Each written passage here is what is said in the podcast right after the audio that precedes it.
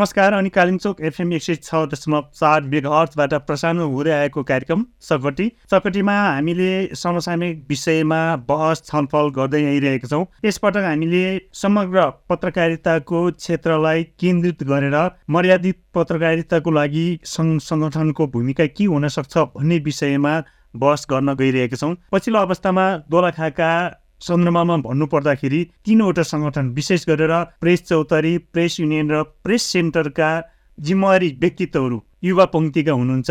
युवा व्यक्तित्वहरूले सङ्गठन हाँकिरहँदा नेतृत्व गरिरहँदाखेरि दोलखाका पत्रकारिता क्षेत्रलाई पनि उठान गर्नुपर्ने दोलखाको पत्रकारिता क्षेत्रलाई पनि एउटा बहसको विषय बनाउन आवश्यकता छ। यही विषयलाई केन्द्रित गरेर आज हामी तिनवटा सङ्गठनका प्रमुखहरूसँग छलफल गर्न गइरहेको छु। प्रेस चौतारी दोलखाका अध्यक्ष प्रभु जिरेल प्रेस युनियन दोलखाका अध्यक्ष सुजन काफ्ले र प्रेस सेन्टर दोलखाका अध्यक्ष सुरज बस्नेतसँग बहस गर्न गइरहेछौँ र कार्यक्रमको साथमा छु म जीवन लामा। प्रेस चौतारी दोलखाका अध्यक्ष प्रभु जिरेलबाट कुराकानीलाई अगाडि बढाउन चाहन्छु।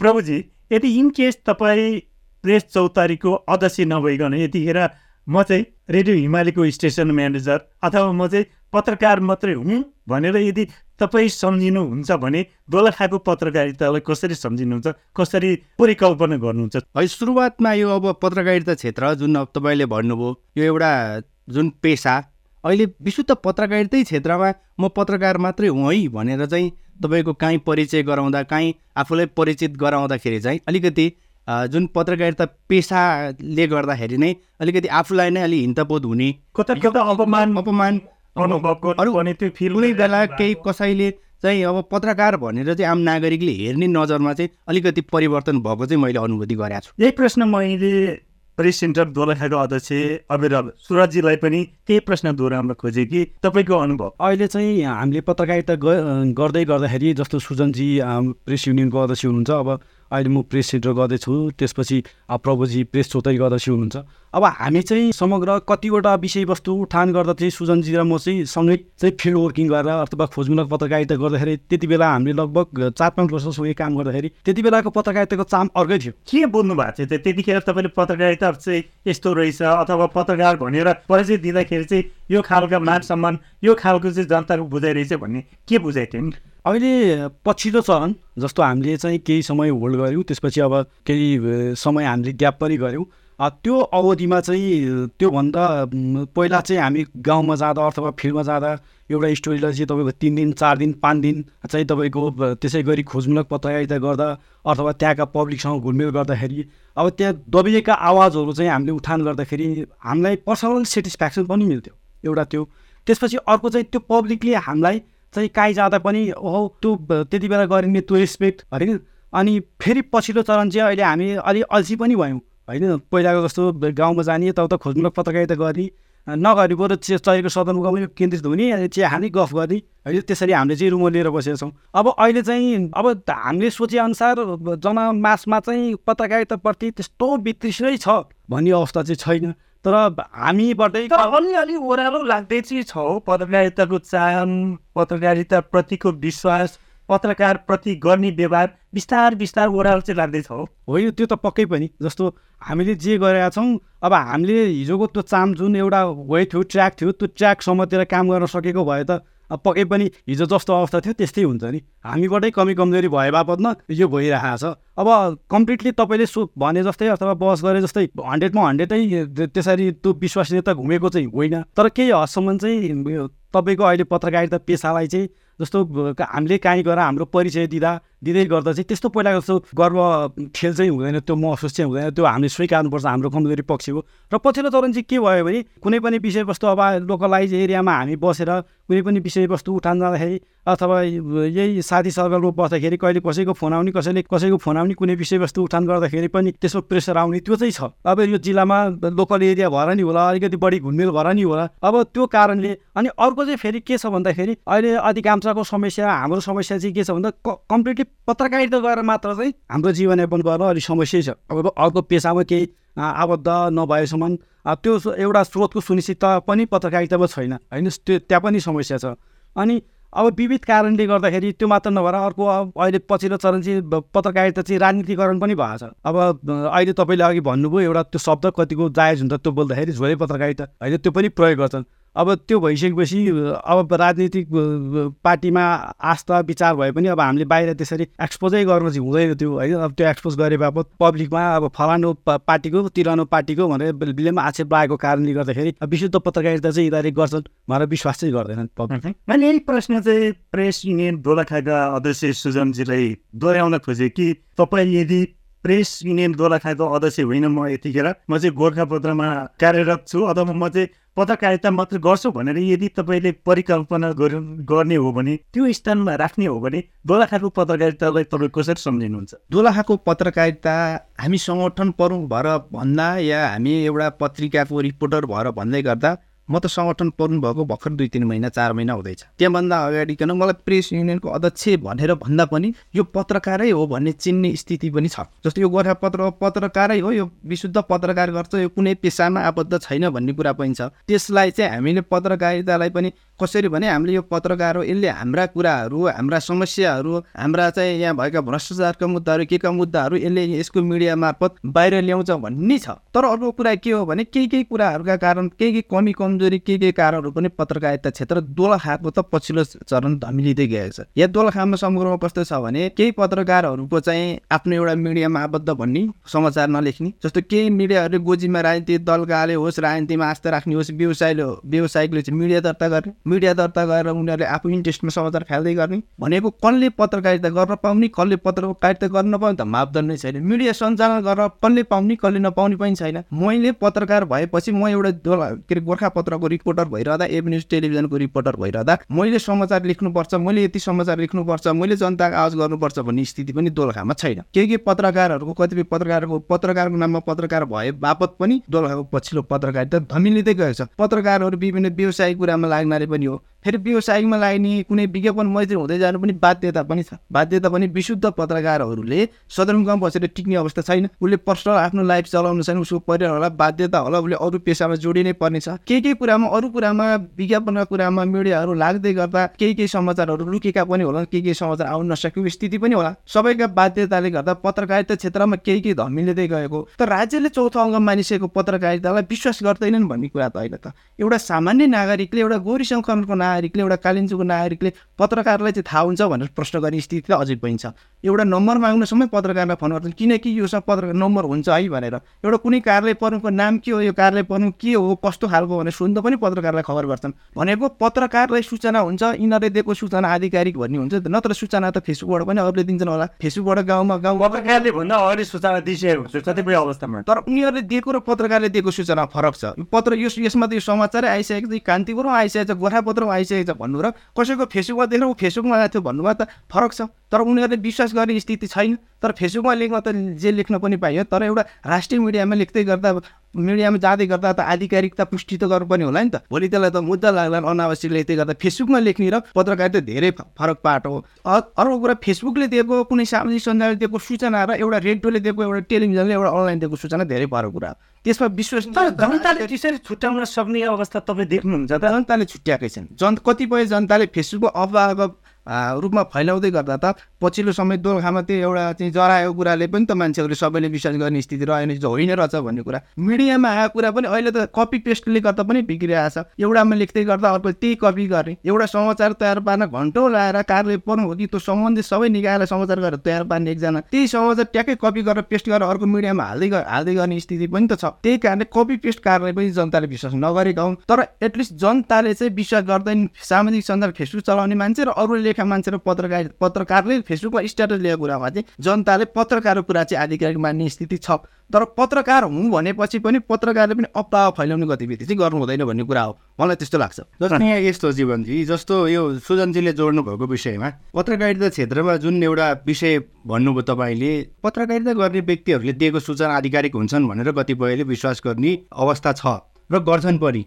अझ यो जुन दुर्गम क्षेत्रहरूमा हिमाली जिल्ला दोलखा जस्तो ठाउँमा त रेडियोहरूले दिएको सूचना पत्रिकाहरूमा निस्किएको सूचना नै आधिकारिक रूपमा चाहिँ यो आधिकारिक सूचना हो भनेर मान्ने अवस्था पनि छ। यसो भइरहँदा पछिल्लो समय जुन सामाजिक सञ्जालहरूको जुन विकास भयो यो सामाजिक सञ्जालहरू प्रयोग गर्ने सामाजिक सञ्जालको प्रयोगकर्ताहरू बढीसँग चाहिँ पत्रकारिता क्षेत्रमै चाहिँ को चाहिँ व्यक्ति ठ्याक्कै आधिकारिक व्यक्ति भन्ने भएन। यसमा चाहिँ सामाजिक सञ्जालमा कुनै पनि कुराहरू भाइरल गराउनको निमित्त चाहिँ त्यहाँ आधिकारिक सूचना नभए तापनि अहिले हामी नै देख्न सक्छौँ। देशको चाहिँ कुनै मिडिया हाउस एउटा मिडिया हाउस भन्दाखेरि चाहिँ कुनै एउटा व्यक्ति शक्तिशाली भएर चाहिँ सामाजिक सञ्जालहरू चलाइरहेको हामीले देखिरहेका छौँ नि त। त्यसो भएको हुँदा उसले चाहिँ कतिपयले त्यसैले पनि आधिकारिक सूचनाको रूपमा तपाईँलाई चाहिँ कतिको विश्वास लाग्छ कि पत्रकार चाहिँ आधिकारिक हो पत्रकार चाहिँ विश्वसनीय हो भनेर सबै पत्रकार चाहिँ यो जस्तो लाग्छ पत्रकार सबै एउटै किसिमको छैन। पत्रकारिताको क्याटेगोरी छुट्याउनुपर्छ पत्रकारिताभित्र पनि जो जुन पत्रकारिता गर्ने व्यक्तिहरूमा वर्गीकरणको आवश्यकता छ जुन अहिले कुनै पनि पेसामा काहीँ कोही व्यक्ति केही काम लागेनन् भनेदेखि चाहिँ आएर पत्रकारिता बन्ने अवस्था हामीले समाजमा देखेका छौँ। त्यसो हुनु भनेको चाहिँ यो पत्रकारिता क्षेत्रको गुणस्तर खच्किनु हो। त्यसो भइरहँदा पत्रकारहरूको पनि एउटा मापदण्ड तोकेर तपाईँको अन्त काहीँ कुनै पनि पेसामा बिकेनन् भनेदेखि चाहिँ आएर पत्रकारिता क्षेत्रमा आउने एउटा अनलाइन दर्ता गर्ने त्यसपछि चाहिँ उसले कार्डको दुरुपयोग गरेर चाहिँ यसरी चाहिँ यो पत्रकारिता क्षेत्रको विकृति बढ्दै गइरहेको यो चाहिँ अहिले जुन सामाजिक सञ्जालहरूमा एउटा तपाईँहरू पनि तपाईँ पनि एउटा प्रेस चौतारीको जिम्मेवारी व्यक्तित्व त हो नि। तर यी यस्ता कुराहरू सुनिरहँदा देखिरहँदा अर्काले लेखेको हेरिरहँदाखेरि चाहिँ तपाईँ पनि उयो दर्शक मात्रै त भन्नुभयो होइन हामीले यो पत्रकारिता क्षेत्रलाई पत्रकारिता क्षेत्रलाई चाहिँ जुन एउटा विशुद्ध पत्रकारहरूको सङ्गठन अहिले पछिल्लो समय पत्रकारहरू जुन मैले जुन नेतृत्व गरिरहेको सङ्गठन जुन होला कुनै एउटा सङ्घ संस्थामा अब कुनै राजनीतिक संस्थाप्रति जुन निकट रहेर काम गरिरहेको होला यो एउटा विशेष उद्देश्यले स्थापना भएको हाम्रो यो प्रेस चौतारी सङ्गठन हो। हामीले सिङ्गो यो दोलखाको पत्रकारिता क्षेत्रको यो पत्रकारितालाई चाहिँ अगाडि बढाउनको निमित्त यसलाई चाहिँ यो जुन गुणस्तरीय बनाउनको निमित्त हामीले हाम्रो छुट्टै भूमिकाहरू छ। हामी यो पेसालाई पत्रकारिता पेसालाई एउटा पत्रकारहरूकै पेसाको रूपमा जुन यो व्यक्ति चाहिँ पत्रकार हो दोलखाको व्यक्ति यो हो भन्दा जस्तो हामीले अहिले तपाईँको एक सय उनान्चासजना पत्रकार महासङ्घमा सदस्यता हामीले योभन्दा अगाडि थियो नि। अहिले बिस्तारै बिस्तारै घट्दै घट्दै तपाईँको घट्ने क्रममा आएर अहिले एक सय पाँचजनामा आइपुगेको छ। केही सदस्यहरू थपिने क्रम छ। हामीले सदस्यता दिँदाखेरि पनि तपाईँको कार्डको दुरुपयोग नहोस् पत्रकारिता क्षेत्रको दुरुपयोग नहोस् जुन व्यक्तिले चाहिँ एउटा पत्रकार हो भन्दाखेरि एउटा गर्व गर्ने अवस्था रहोस् भन्ने हिसाबले हामी त्यहाँ काम गर्न चाहन्छौँ। त्यहाँ चाहिँ तपाईँको पत्रकारिताको क्षेत्रमा कार्डको दुरुपयोग गर्ने पत्रकार हो भनेर चाहिँ तपाईँको विभिन्न ठाउँहरूमा गएर धम्क्याउने धाक लगाउने र उसले चाहिँ जुन आफ्नो एउटा सङ्गठन आफ्नो एउटा पति आचरण नरहने त्यस्तो व्यक्तिहरूलाई चाहिँ हामीले पत्रकार बनाउनु हुँदैन। यसलाई चाहिँ जुन शुद्धिकरण गर्नुपर्छ भन्ने हाम्रो अहिलेको एजेन्डा नै हो जीवनजी। त्यस्तो हो भने मैले तपाईँलाई एकैछिन यहीँ रोकेर मैले प्रेस सेन्टरको अध्यक्षजीलाई अविरलजी समस्या आएँ जस्तो तपाईँ आफूको चाहिँ पुस्ताको कुरा पनि अहिले चलिरहेको छ। तपाईँ कुन पुस्ता रुचाउनुहुन्छ अब म चाहिँ दोस्रो पुस्ता हो म तेस्रो पुस्ता हुँ भन्ने चाहनुहुन्छ कि? हिजोको दिनको यदि तपाईँ पहिलो पुस्ता होइन भने अग्रज पुस्ता भनौँ अथवा पहिलो पुस्ताबाट दोस्रो पुस्ताबाट तपाईँले के सिक्नुभयो? होइन अब पक्कै पनि तपाईँको सिक्ने कुरा भनेको त तपाईँको अलिकति अब आफूभन्दा अग्रज व्यक्तित्वहरूसँगैबाट केही सिक्ने हो केही लिने हो जस्तो तपाईँको पत्रकारिताको मिनिङ पनि त उहाँहरूबाटै सिकेको हो नि हामीले। होइन जस्तो अब अहिले पाटोहरू फरक भयो होला जस्तो पहिला चाहिँ तपाईँको हामी नै चाहिँ तल भीमेश्वर स्टेसनरीमा पत्रिका बाह्र एक बजे एक दुई बजीतिर आइपुग्दाखेरि रुएर कुरेर बस्थ्यौँ त्यो समय थियो। होइन त्यति बेलाको अब लेख रचना अथवा भिडियो टे टेलिभिजन पत्रकारिता गर्दा पनि भिडियो चाहिँ तपाईँको पेनड्राइभमा हालेर पठाउने अवस्था थियो। अब अहिले पछिल्लो चरण चाहिँ उहाँहरूबाटै सिकेर त्यसैलाई फलो गर्दा गर्दै अलिकति मोडिफाई भएअनुसार अब हामीले रुचाउन त अब यो पुस्तालाई रुचाउँछु भनेर भनै सकिँदैन होइन उहाँहरूबाट नि केही कुरा नसिकेको भयो आज हामी यो अवस्थामा हुँदैन थियौँ। अब हामीले उहाँहरूलाई सम्मान गर्नुपर्छ तर चाहिँ हामीले के कुराको चाहिँ निरन्तरता दिनुपर्छ भने पछिल्लो चरण चाहिँ पत्रकारिता चाहिँ अलिकति मोडिफाई भएको छ। जस्तो तपाईँको चाहिँ पहिलाको भन्दा अब लेखिन लेखन शैलीदेखि लिएर हरेक कुरा चाहिँ अहिले चाहिँ यो चलिरहँदा क्रमबद्ध रूपमा तपाईँको अहिले पछिल्लो चरण चाहिँ ब्रेकिङ होइन न्युज चाहिँ तपाईँको कसले बढी ब्रेकिङ गर्ने होइन अथवा कसले चाहिँ बढी चाहिँ चाँडो चाहिँ भ्युरसिप कलेक्ट गर्ने अब ब्रेकिङको साथसाथै मैले यहाँ पनि जोड्नु अब्रेल चाहिँ जस्तो ब्रेकिङको नाममा अथवा अलिकति पपुलरको नाममा चाहिँ भाइरल हुन खोज्ने खालको पत्रकारहरू छन् कि छैन ब्लगामा त्यो देखिन्छ। अब हरेक ठाउँमा दोलखा मात्र नभएर अब तपाईँले दोलखा कुरा उठाउनु भयो तर अधिकांश ठाउँमा एउटै नेचरका मान्छे त हुँदै हुँदैन। अन्तको भन्दा दोलखामा बढी छन् कि दोलखा अन्तको हेरी दोलखा अलि कम छ? अलि न्यु नै हो दोलखामा। है अब हामीले त्यो हिसाबले चाहिँ दोलखालाई अहिलेसम्म हेर्ने हो भने चाहिँ दोलखाको मात्र समस्या होइन। जस्तो विशुद्ध नेपाल अधिराज्य भएकै कुरा गर्ने भने पत्रकारितापट्टिको त्यो चाम चाहिँ खच्किँदो अवस्थामा छ। जस्तो हामीले चाहिँ तपाईँको अस्ति प्रेस सेन्टरको चाहिँ अधिवेशन गर्दै गर्दा हामीले पालिका स्तरीय कमिटी गठन गऱ्यौँ। है नौवटा चाहिँ तपाईँको पालिका स्तरीय कमिटी गठन गर्दाखेरि लगभग हाम्रो साठी पैँसाठीजना चाहिँ नयाँ भर्खर इलेभेन टुवेल्भ पढ्दै गरेका भाइ बहिनीहरूको त्यो चाम देखिन्थ्यो। तर अब त्यहाँनिर चाहिँ पहिलाको जस्तो त्यही सवालमा मैले कहाँ पनि जोड्न खोजेँ भने जस्तो अघि प्रभु प्रभुजीले भन्नुभएको जस्तो दुई दिनको तिन दिनको तालिम लिने अथवा एउटा कुनै अनलाइनमा चाहिँ संवाददाताको रूपमा अथवा दुई महिनामा एउटा समाचार पठाएको भरमा चाहिँ म पत्रकार हुँ भनेर प्रेस कार्ड बेचेर चाहिँ नाम कमाउने दाम कमाउने खालका पत्रकारहरू चाहिँ छन् कि छैनन् त्यसो भए? पक्कै पनि अब जस्तो कतिपयलाई चाहिँ के छ भने पत्रकारिताको कार्ड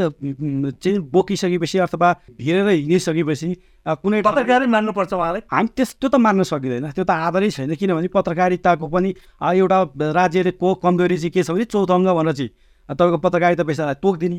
तर तपाईँको सीमित मापदण्ड चाहिँ नबनाइसकेपछि त्यस्तो कार्डको त अवश्य नै दुरुपयोग भइहाल्छ। कि एउटा सर्टेन मापदण्ड बनाएर चाहिँ तपाईँको त्यही अनुसार चाहिँ बरु कमसेकम एउटा केही आयोग सहायक अथवा तपाईँको त्यो सम्बन्धी केही गठन गरेर जस्तो हामीले पनि बकाइदा चाहिँ अब जस्तो मेरो एबिलिटी कति छ भनेर चाहिँ कसरी थाहा पाउने त? होइन जस्तो मैले पनि त मेरो एबिलिटी अनुसार चाहिँ तपाईँको एउटा श्रेणी होला नि त कुनै। काम गर्ने। होइन? जस्तो अब अविरल बस्नेत भनेको छ तपाईँको न्युज कस्तो लेख्छ कसलाई के थाहा छ त? न कपी पेस्टै गर्छ कि? होइन? भनेको मतलब कोही कसैको क्षमता कति छ भनेर थाहा छैन। त्यस कारणले गर्दा कमसेकम एउटा सर्टेन मापदण्ड राज्यले बनाइदिएर अब त्यो मापदण्ड चाहिँ हामीले मिट गर्ने भने कमसेकम त्यहाँ पनि एउटा कम्पिटिसनको भावना हुन्थ्यो होला। त्यहाँ पनि एउटा फिल्टर गरेर अलिकति एक्स्ट्रा ओरिएन्टेड मान्छेहरू चाहिँ पत्रकारितामा आउँथ्यो होला अब त्यो सम्भावना छ। अनि अर्को चाहिँ पक्कै पनि के छ भन्नुहुन्छ भने पत्रकारितामा चाहिँ पछिल्लो त अघि प्रभुजीले पनि जोड्नुभयो अघि सुजनजीले पनि जोड्नुभयो कि? जस्तो यो जोड्ने काम मात्रै भयो क्या तपाईँले भन्नुभएको जस्तो अब यो ग्रामीण तहमा पुग्ने हो भने त्यहाँ पनि त्यही खालको विकृति देखिन्छ कुनै पनि कार्यालयमा पुग्ने हो भने यी पत्रकारहरू चाहिँ माग्न आए भन्ने नजरले चाहिँ तपाईँ हामीलाई चिनिन्छ। सातोबाट म दियो भने एकछिन मात्र पाँच दिने रुख पऱ्यो भने पत्रकारहरूले चाहिँ आज काम पाएन चाहिँ क्यारे आज अब ग्राहक बेलुकाको खानपिनको लागि ग्राहक खोज्दैछन् कि दादा खोज्दैछन् कि भन्ने खालको बुझाइ पनि छ कि है? होइन यो त तपाईँको चाहिँ कस्तो छ भने जस्तो अहिले चाहिँ पछिल्लो चरण चाहिँ तिनटै सङ्गठनको प्रमुख जस्तो अब चारवटै भनौँ होइन समाजवादी मोर्चा पनि जस्तो हाम्रो चाहिँ अहिले चाहिँ युङ पुस्ताले चाहिँ लिड गरेका छ।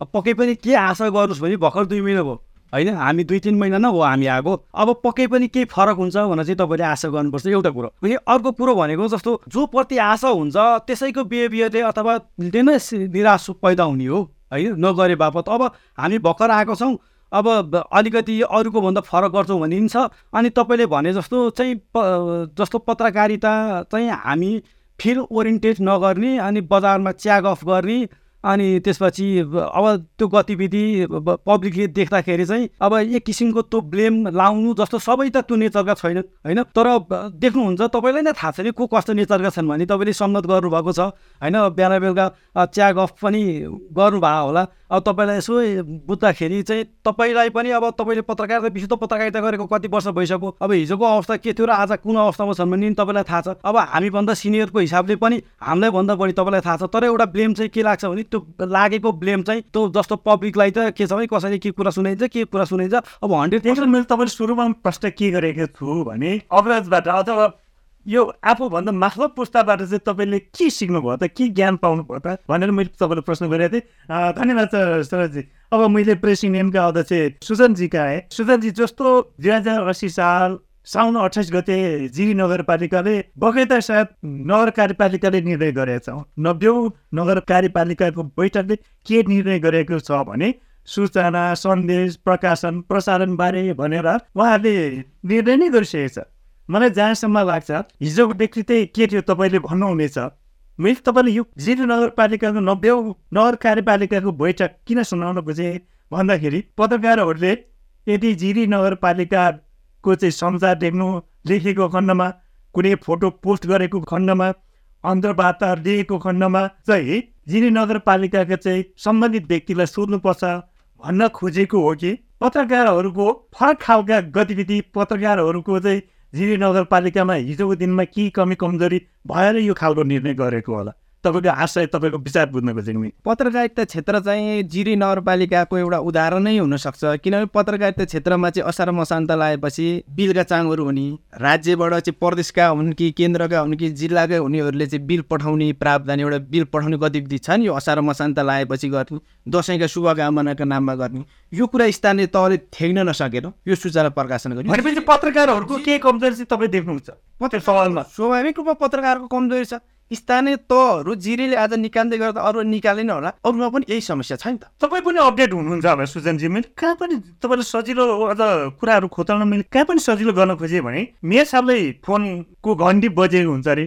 अनि मेयर साहबको जवाब सुरुमै के हुन्छ अरे भन्दाखेरि पैसा लाग्छ कि लाग्दैन? पैसा लाग्छ भने म तपाईँलाई अन्तर्वार्ता मेरो कुराहरू भन्दिनँ नलेख्नुहोस् पैसा लाग्दैन भने मात्रै म भन्छै भन्ने खालको कुरा पनि छ अरे नि त। होइन स्थानीय तहका प्रमुखले यो समस्या मलाई पनि एकचोटि सुनाउनु भएको थियो। यो समस्या चाहिँ कस्तो थियो भने आउँदैछु म फलानु आउँदैछु म फलानुको मिडिया आउँदैछु मलाई यति सहयोग गर्नु यो गर्नु पऱ्यो भनेर मेयर साहबले गुनासो गर्दै गर्दा मैले काहीँको मेयर साहबलाई यही स्थानीय तहका दोलाखै प्रमुखलाई मैले एकजनालाई के भनेको थिएँ भने तपाईँ यदि कसैले सहयोग माग्दैछ भने त पत्रकार महासङ्घको सदस्य बोकेर आउनुहोस् तपाईँ। सदस्य पत्रकार महासङ्घको सिफारिस यदि सहयोग गरिदिनु भन्न आउनुहोस्। तपाईँलाई कुनै मिडिया राष्ट्रिय मिडियाको कान्तिपुरको नाममा गोर्खापत्रको नाममा एबी न्युजको नाममा तपाईँलाई कसैले म फलानु मिडियामा काम गर्ने हो मलाई सहयोग गर्नु पऱ्यो मलाई पैसा चाहियो भनेर आर्थिक माग्छ भने त्यसको लेटर पेडमा चिठी लेखेर आइज भन्नुहोस् न।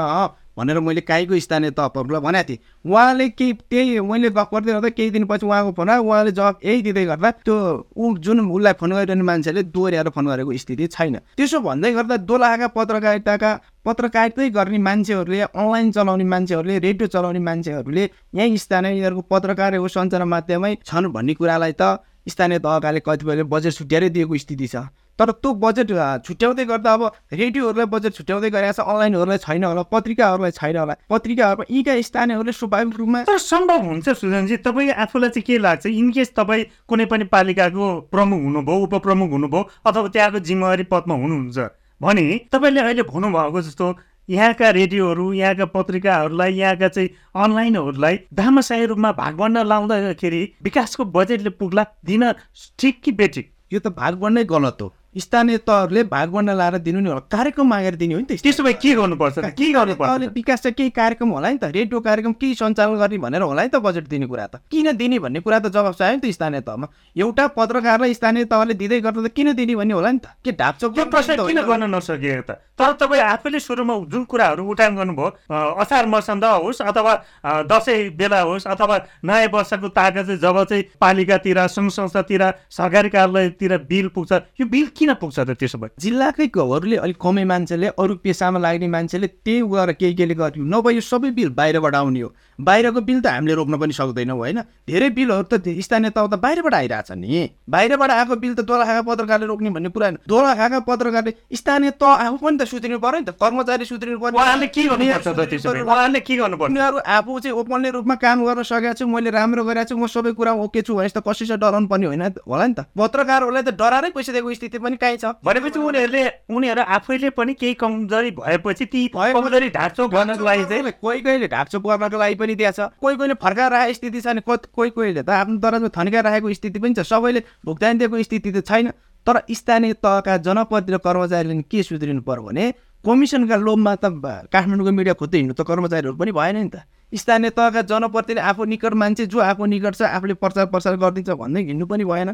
केही केही जस्तो दोलाहाका सन्दर्भमा पनि स्थानीय तह प्रमुखहरूलाई मैले काहीँ काहीँ अन्त प्रश्न उठाएको कुरा। आफू निकट कोही बोलाएर चाहिँ पाँच लाख छ लाखसम्म तोक्लाएर दिन भने पत्रकारितै गरेको मान्छेले किन दिन नहुने आखिर खर्च त स्थानीय तह खर्च चाहिँ हुनुपर्ने रकम खर्च भएको छ। तर पत्रकारले पाए कि गैर पत्रकारले पायो भने प्रश्न कुरा हो। अर्को कुरा पत्रकारिता पनि क्रियाशील पत्रकार हो कि होइन? त्यसो भए तपाईँले सन्दर्भ उठाइहाल्नुभयो होइन? मैले ती सन्दर्भलाई जोड्न पनि खोजेँ। कुन चाहिँ पत्रकार क्रियाशील कुन चाहिँ पत्रकार प्यासिभ भन्ने कुरा पत्रकार महासङ्घले जुटाउन सकेका छैन। कुनै सञ्चार माध्यमले जुटाउन सकेका छैन। गाउँपालिका अथवा नगरपालिकाका प्रमुख उपप्रमुखले कसरी छुट्याउने? पत्रकार महासङ्घले त छुट्याउनुपर्छ भने हामीले माग गरिरहेको छौँ हामी आएको पुस्ता त यो पुस्ता त परिवर्तन गरेर आएको हो नि त। अहिले पनि महासङ्घमा मुद्दा भनेकै चाहिँ क्रियाशील पत्रकार हुनुपर्छ भन्ने हो नि त। हामीले प्रदेशका मान्छे आउँदा केन्द्रको मान्छे आउँदा पत्रकार महासङ्घ नेतृत्व हामीले क्रियाशील पत्रकार चाहिँ हुनुपर्छ है। दोलखामा जे हुन्छ दोलखामा क्रियाशील पत्रकार हुँदा रामेछापमा क्रियाशील पत्रकार होला। रामेछापमा हुँदै गर्दा सिन्धुपाल्चोकमा होला। बागमती प्रदेशभर होला जिल्लाभर होला मापदण्डमा गरेर हो नि त पत्रकार त क्रियाशील हुने छुट्याउने त। क्रियाशील त अब स्थानीय न स्थानीय तहले छुट्याउने न सङ्गठनको प्रमुखले छुट्याइदियो। पत्रकारिता त उनीहरूको डकुमेन्टमा आयो होला नि त। कसलाई क्रियाशील भन्ने कसलाई क्रियाशील होइन भन्ने त डकुमेन्टले बोल्ने कुरा हो। यहाँ अघिको मैले विषय जोड्नु खोजेँ एउटा कुरा जस्तो यो जिरी नगरपालिकाले जुन यो एउटा गाउँ सभाबाट एउटा सूचना जारी गर्यो यो सामान्यतया यो देख्दाखेरि सामान्य भए तापनि यो एउटा पत्रकारिता पेसा गर्ने पत्रकारिता पेसामा आबद्ध व्यक्तिहरूको लागि एउटा गम्भीर विषय हो। यो जिरी नगरपालिकाले जुन पत्रकारहरूले चाहिँ बिल बोकेर आउँछन् र त्यो चाहिँ सूचना प्रसारण गरे बापतको भुक्तानी हामी गराउन सक्दैनौँ। यो चाहिँ जानकारी नगरिकन जुन गराउनु भन्ने एउटा जुन एउटा सार्वजनिक रूपमै सूचना जारी गर्यो यसले के बुझाउँछ भने आम पत्रकारहरूले चाहिँ बिना काम कुनै पनि काम नगरिकन चाहिँ भुक्तानी लिने रहेछ भन्ने एउटा आम नागरिकहरूमा त्यो किसिमको सन्देश जान्छ। त्यसो भएको हुँदा म एउटा के कुरा जोड्न चाहन्छु भने नगरपालिकाले जुन जनप्रतिनिधिहरू कर्मचारीहरू हुनुहुन्छ सरोकारवाला निकायहरू जो हुनुहुन्छ उहाँहरूले के कुरा बुझ्नुपर्छ भनेदेखि समाचार लेखेको कुनै पनि सञ्चार माध्यममा समाचार लेखेको पैसा लाग्दैन फोटो प्रकाशन गरेको पैसा लाग्दैन। विशुद्ध पत्रकारिता क्षेत्रमा केही गरी पैसा लाग्ने सूचना प्रकाशन गरेको विज्ञापन प्रकाशन गरेको एउटा निश्चित दर रेट छ त्यो अनुसार भुक्तानी दिनुपर्ने हुन्छ। तर यो बिना जानकारी नगरपालिकालाई जानकारी नभइकन कता कता सूचना प्रकाशन गरेर मिडिया हाउसले बिल पुर्याउँछ भने त्यो भुक्तानी गर्नुपर्छ भन्ने त्यो हुँदैन। त्यसो भएको हुँदा उनीहरू पनि पत्रकारलाई देखेर चाहिँ पत्रकारको बिल आयो यो चाहिँ भुक्तानी दिइहाल्नु पर्यो भनेर उनीहरू पनि डराउने त्यो अवस्था हुनु हुँदैन उनीहरूले क्लियर हुनु पर्यो यदि नगरपालिकाको जानकारी बिना कुनै पनि सङ्घ संस्थाहरूको बिना अनुमति चाहिँ उसले चाहिँ सूचना प्रकाशन गर्ने जताभावी गर्ने र समाचार लेखिदिएको छु भनेर समाचार देखेर देखाएर पैसा लिने यो किसिमको काम छ भने यो बन्द गर्नुपर्छ। जनप्रतिनिधि पनि अलिकति उनीहरूले नि पत्रकारिता क्षेत्र बुझ्नु पऱ्यो नि। तपाईँको समाचार छापेको पैसा माग्न कोही आएको छ भने पैसा दिनु भएन। र त्यो गरे बापत उसलाई चाहिँ पत्रकारिता क्षेत्रबाट कहीँ कतै चाहिँ केही अप्ठ्यारो पर्छ समस्या पर्छ भने हामी सङ्गठनले हामीले जिम्मेवारी लिनुपर्छ त्यो कुरा। हामीले त विशुद्ध पत्रकारिता क्षेत्रबाट चाहिँ समाजमा भइरहेको भ्रष्टाचारहरूलाई चाहिँ कम गराउनको निमित्त जुन भइरहेको समाजमा भइरहेको अपराधिक घटनाहरूलाई चाहिँ कम गराउनको निमित्त दिगो विकासलाई चाहिँ स्थापित गराउनको निमित्त हामीले जुन पत्रकारिता गरिरहेका छौँ नि त्यस कारणले यसरी यो सूचना निकालेर आम नागरिकहरूमा भ्रम छर्ने काम स्थानीय तहहरूले पनि गर्नु हुँदैन र जनप्रतिनिधिले नि स्पष्ट रूपमा बुझ्नुपर्छ कि यदि यस्तो हो भने हो बहु नामसहित भन्नु पऱ्यो नि त यो यो ठाउँबाट यसरी चाहिँ यस्तो हुन आएको छ भनेर यो सबैले एउटै चाहिँ यो डालोमा हालेर होलसेलको रूपमा चाहिँ जनप्रतिनिधिहरूले पनि लिनु हुँदैन भन्ने मेरो बुझाइ हो। तपाईँहरूले कालिम्पोङ एफएम यसै छ दशमलव चार कार्यक्रम चकटी सुन्दै हुनुहुन्छ। आज हामी मर्यादित पत्रकारिताको लागि सङ्घ सङ्गठनको भूमिका के हुन सक्छ भन्ने विषयमा बहस गर्दैछौँ। बहसमा हुनुहुन्छ प्रेस चौतारी दोलखाका अध्यक्ष प्रभु जिरेल प्रेस युनियन दोलखाका अध्यक्ष सुजन काफ्रे र प्रेस सेन्टर दोलखाका अध्यक्ष अविरल सुरज बस्नेत कुराकानी म सुरजजीबाट जोड्न चाहन्छु। अघि सुजनजीले सन्दर्भ उठाइहाल्नुभयो सक्रिय र निष्क्रिय पत्रकार भनेर। तपाईँ आफूलाई चाहिँ के लाग्छ कि सक्रिय पत्रकारको डालो यो हो अथवा यतातिर राखौँ?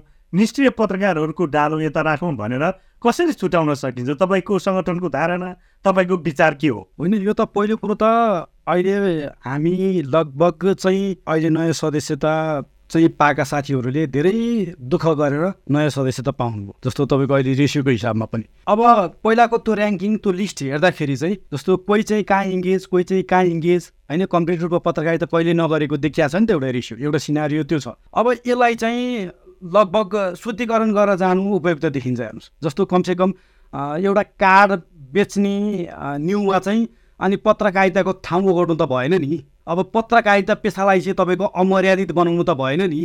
हो यस्तै तत्त्व यस्तै कारणले गर्दाखेरि एउटा रिजन चाहिँ एउटा कारण चाहिँ तपाईँको पत्रकारिताप्रति अब अविश्वसनीयता कायम भएको कारण यो पनि हो। अब अहिले सुजनजीले प्रभुजीले पनि जोड्नु भयो जस्तो अब हामी नयाँ सङ्गठन आइसकेपछि नयाँ सङ्गठनमा यो सङ्गठनमा नयाँ पदाधिकारी आइसकेपछि हामीले केही फरक गर्नु पर्ला नि त। जस्तो यो हामी आएर केवल ठाउँ ओगटेर मात्र त तपाईँको यो समस्याको समाधान नहोला। अब हिजो पो अब हामी पो भर्खर निर्वाचित भएर आयौँ र अहिले चाहिँ हामीले चाहिँ अरूलाई क्वेसन मागेर गर्ने ठाउँ छ त। भोलिका दिनमा हामीलाई पनि त यी प्रश्न खडा होला नि त। त्यसैले तपाईँको पत्रकारितामा जो सक्रिय छ होइन जो पत्रकारितालाई चाहिँ तपाईँको चाहिँ सक्रिय रूपमा उसले चाहिँ पत्रकारिता गरिरहेको छ भने उसलाई निश्चय पनि ऊ चाहिँ तपाईँको महासङ्घको सदस्य हुन्छ अथवा तपाईँको त्यही हिसाबले जानुपर्छ। अनि मैले यतिखेर महासङ्घको सदस्यसँग पनि जोड्न खोजेको थिइनँ होइन? तपाईँले जोड्नुभयो त्यो तपाईँको विचारको कुरा भयो। मैले कहाँ मात्र जोड्न खोजेँ भने सक्रिय पत्रकार चाहिँ कस्ता खालकालाई भनिन्छ होला? अथवा के भयो भने ऊ सक्रिय पत्रकार हुन्छ? निष्क्रिय पत्रकार कस्ताले भनिन्छ होला? जस्तो अब पत्रकारिता सक्रिय पत्रकार भनेको त उसले त कमसेकम कमसेकम एउटा केही नभए पनि एउटा न्युज त लेख्नु पर्यो नि दिनमा एउटा। जस्तो अहिले त अधिकांशले एउटा कार्ड झुन्याउने अनि वर्षमा एउटा न्युज नलेख्ने अनि दसैँमा फेरि तिनै शुभकामनाको बिल बोकेर जाने। होइन? अब त्यस्तो मान्छेलाई हामीले सक्रिय पत्रकार भने कि निष्क्रिय पत्रकार भन्ने अब पत्रकारिता पेसामा तपाईँ पनि आबद्ध हुन्छ तपाईँलाई धेरै कुरा थाहा छ। तर मैले देखेको चाहिँ कमसेकम एटलिस्ट त्यो पेसामा आबद्ध भइसकेपछि त्यो पेसाप्रति आफ्नो आफू चाहिँ कति मर्यादित छु त्यो पेसालाई चाहिँ मैले कति चाहिँ न्याय गरेको छु भन्ने त फिल होला नि त। ती मान्छे त मैले देखेको त अस तपाईँको अब यो कुरा नजोड्नु भन्नुहुन्छ कमसेकम त्यो रिन्यू गरेरै नआएको भए हुन्थ्यो क्या मेरो धारणा त। होइन? अनि अर्को कुरा चाहिँ त पत्रकारिताको कार्ड बिला बोकेर राखेर तपाईँको कमसेकम ठाउँ ठाउँमा ती कमिसन माग्न तपाईँको विज्ञापनका बिल लिएर जान अनि त्यसपछि तपाईँ हिसाबले चाहिँ रिन्यू गर्ने नआइदिए हुन्थ्यो अथवा पत्रकारिता छोडिदिए हुन्थ्यो भन्ने एकतिर बुझाइ भयो। तर सङ्गठनको हिसाबले चाहिँ सङ्ख्या बढाउनको लागि भोटको लागि त होइन नि। होइन गर्ने? होइन हिजोको दिन हिजोको कुराको त म जिम्मेवारी लिन सक्दिनँ हिजो के थियो भनेर। तर आजको दिनमा त अब हामी आइसकेपछि हामी त्यो हिसाबले जाँदैनौँ। अहिले जस्तो तिनटै सङ्गठनका प्रमुखले नै स्ट्रिक्टली के भनेको छ भने अब यो शुद्धिकरणको कुरा जोत्दा पनि मजाले जानुपर्छ हेर्नुहोस्। जसले पत्र सक्रिय पत्रकारिता गर्दा बरु एकदम कम मात्रामा त्यो तपाईँको क्वालिटी र क्वान्टिटीमा कम्प्रोमाइज नहोस् होइन? त्यसलाई चाहिँ कमसेकम विशुद्ध पत्रकारिता गर्ने मान्छेलाई मात्र अहिले चाहिँ हामी चाहिँ अलिक एक्टिभ पत्रकार भनौँ सक्रिय पत्रकार भनौँ। अब जो चाहिँ तपाईँको यो पेसालाई चाहिँ यसो गरी खाने भाडोको नाममा अथवा कसैलाई थगाउने नाममा होइन? अथवा कसैलाई त्यो बिल आतङ्कको नाममा अब त्यो गतिविधि गर्ने मान्छेलाई चाहिँ हामी पत्रकारितामा चाहिँ अब निष्क्रिय भन्ने कि सक्रिय भन्ने त तपाईँ नै बुझिहाल्नुहुन्छ। अब मैले एउटा अर्को कुरा के जोडेँ भने जस्तो अघि मैले तपाईँले यो जिरी नगरपालिकाले निकालेको सूचनाको विषयमा कुरा गर्नुभयो जस्तो उहाँले पनि कमसेकम फलानु मान्छेले चाहिँ यसरी बिलेर आएको छ भनेर जस्तो प्रभुजीले अघि जोड्नुभयो सुजनजीले जोड्नुभयो अनि उहाँहरूले चाहिँ जे मन लाग्यो त्यही गर्ने त।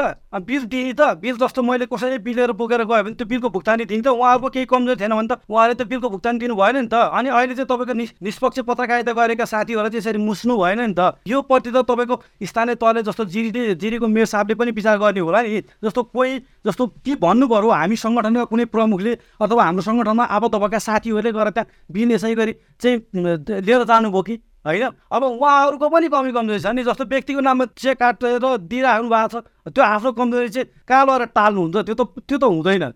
त्यस कारणले गर्दा एउटा आक्षेप लाउने एउटा सीमा हुन्छ। जस्तो काठमाडौँबाट चाहिँ अथवा कहाँबाट हिजो उहाँहरूले चुनावी त मेरो न्युजले चाहिँ के गर्दै कसो गर्दै भनेर एउटा आश्वासन दिनुभएको थियो र अहिले त्यो त्यति बेला को कोलाई कामलाई थाहा भएन अनि अहिले पछिल्लो चरण चाहिँ भट्टाभट्टी त्यसका बिलका चाङ आउँदाखेरि उहाँहरू हात्तिनु भएको। यसरी ब्लेम लाएर दोलखा जिल्लाको पत्रकारलाई चाहिँ धमिलाउने काम चाहिँ गर्नु हुँदैन हजुर। चाहिँ हामी लगभग चालिस एकचालिस मिनटसम्म बहस गरिरहँदाखेरि दोलखाका पत्रकारिताको कमी कमजोरीहरू गर्न नसकेका गर्न सकेका कुराहरूलाई हामीले उठान गऱ्यौँ। यदि प्रतिशतको हिसाब हेर्ने हो भने कता कता साठी प्रतिशत जति चाहिँ कमी कमजोरी चालिस प्रतिशत मात्रै चाहिँ पत्रकारहरूले राम्रा पत्रकारिता गरिरहेको हो कि भन्ने मेरो आफ्नो बुझाइ। त्यो तपाईँहरूले यसमा आफ्नो मत पनि राख्न पाउनुहुन्छ है। मैले सुजनजीलाई कहाँ जोड्न खोजेँ भन्दाखेरि यति धेरै कमजोरी यति धेरै चाहिँ पत्रकारप्रतिको दृष्टिकोण कमजोर हुँदा हुँदै नकारात्मक हुँदा हुँदै पनि पत्रकारहरू पत्रकारका सङ्गठन जुन press union press Chautari press सेन्टरहरू छन् यिनीहरू चाहिँ कता कता सुतिरहेको जस्तो हो। सुतिरहेको भन्ने त भन्नै मिल्दैन। यो युवा पुस्ता छ नि जुन नेतृत्व गरे केही त होला नि त। तिनटै सङ्गठनप्रति केही न केही आश छ तपाईँले यो कुरा प्रष्ट बुझ्नु पर्यो केही न केही परिवर्तन हुन्छ। केही समयपछि केही वर्षैपछि यो हाम्रो कार्यकालपछि तपाईँले यही टेबलमा ल्याएर सोध्नु कि तिमीहरूको कार्यकालमा के भयो भनेर तपाईँहरूको सोध्दै गर्दा हामीले यो यो गऱ्यौँ भने एक दुई तिन हामी भन्न सक्ने स्थिति ल्याउँछौँ। यो कुरामा पहिला प्रष्ट हुनुपर्छ।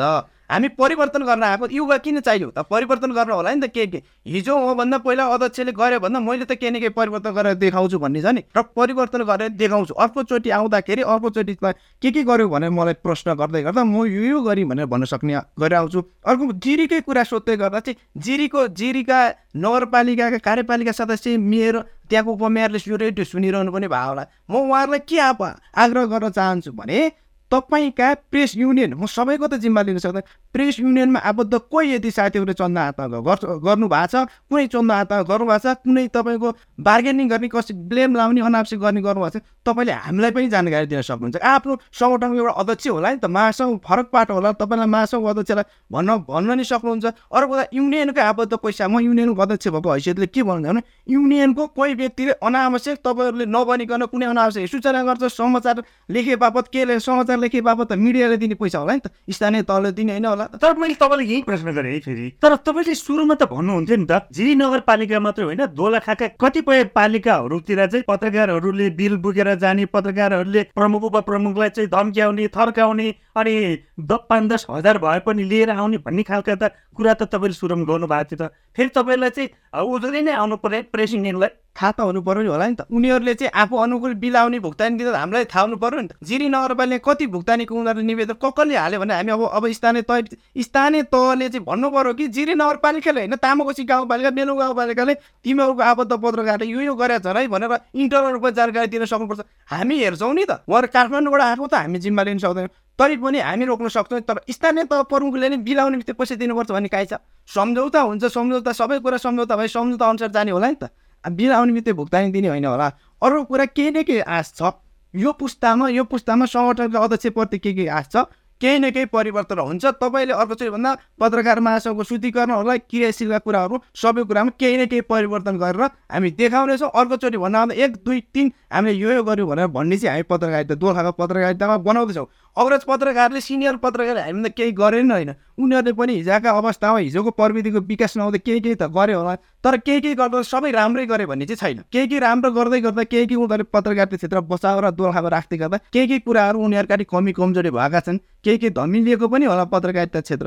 त्यसलाई हामीले सुधार्नुपर्छ भन्ने कुरा हो। हामी सुधार्छौँ भन्ने हाम्रो प्रभुजी जस्तो मैले अहिले भनेको पर्सेन्ट ठ्याक्कै मिल्नुपर्छ। मिल्छ भन्ने पनि भएन।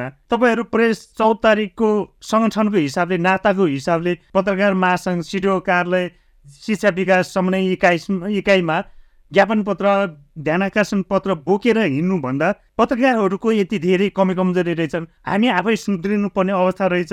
त्यस कारणले हामी अर्काको मात्रै सार्वजनिक सुनाइ गर्ने होइन अरूको मात्रै लेखा परिचय गर्ने होइन।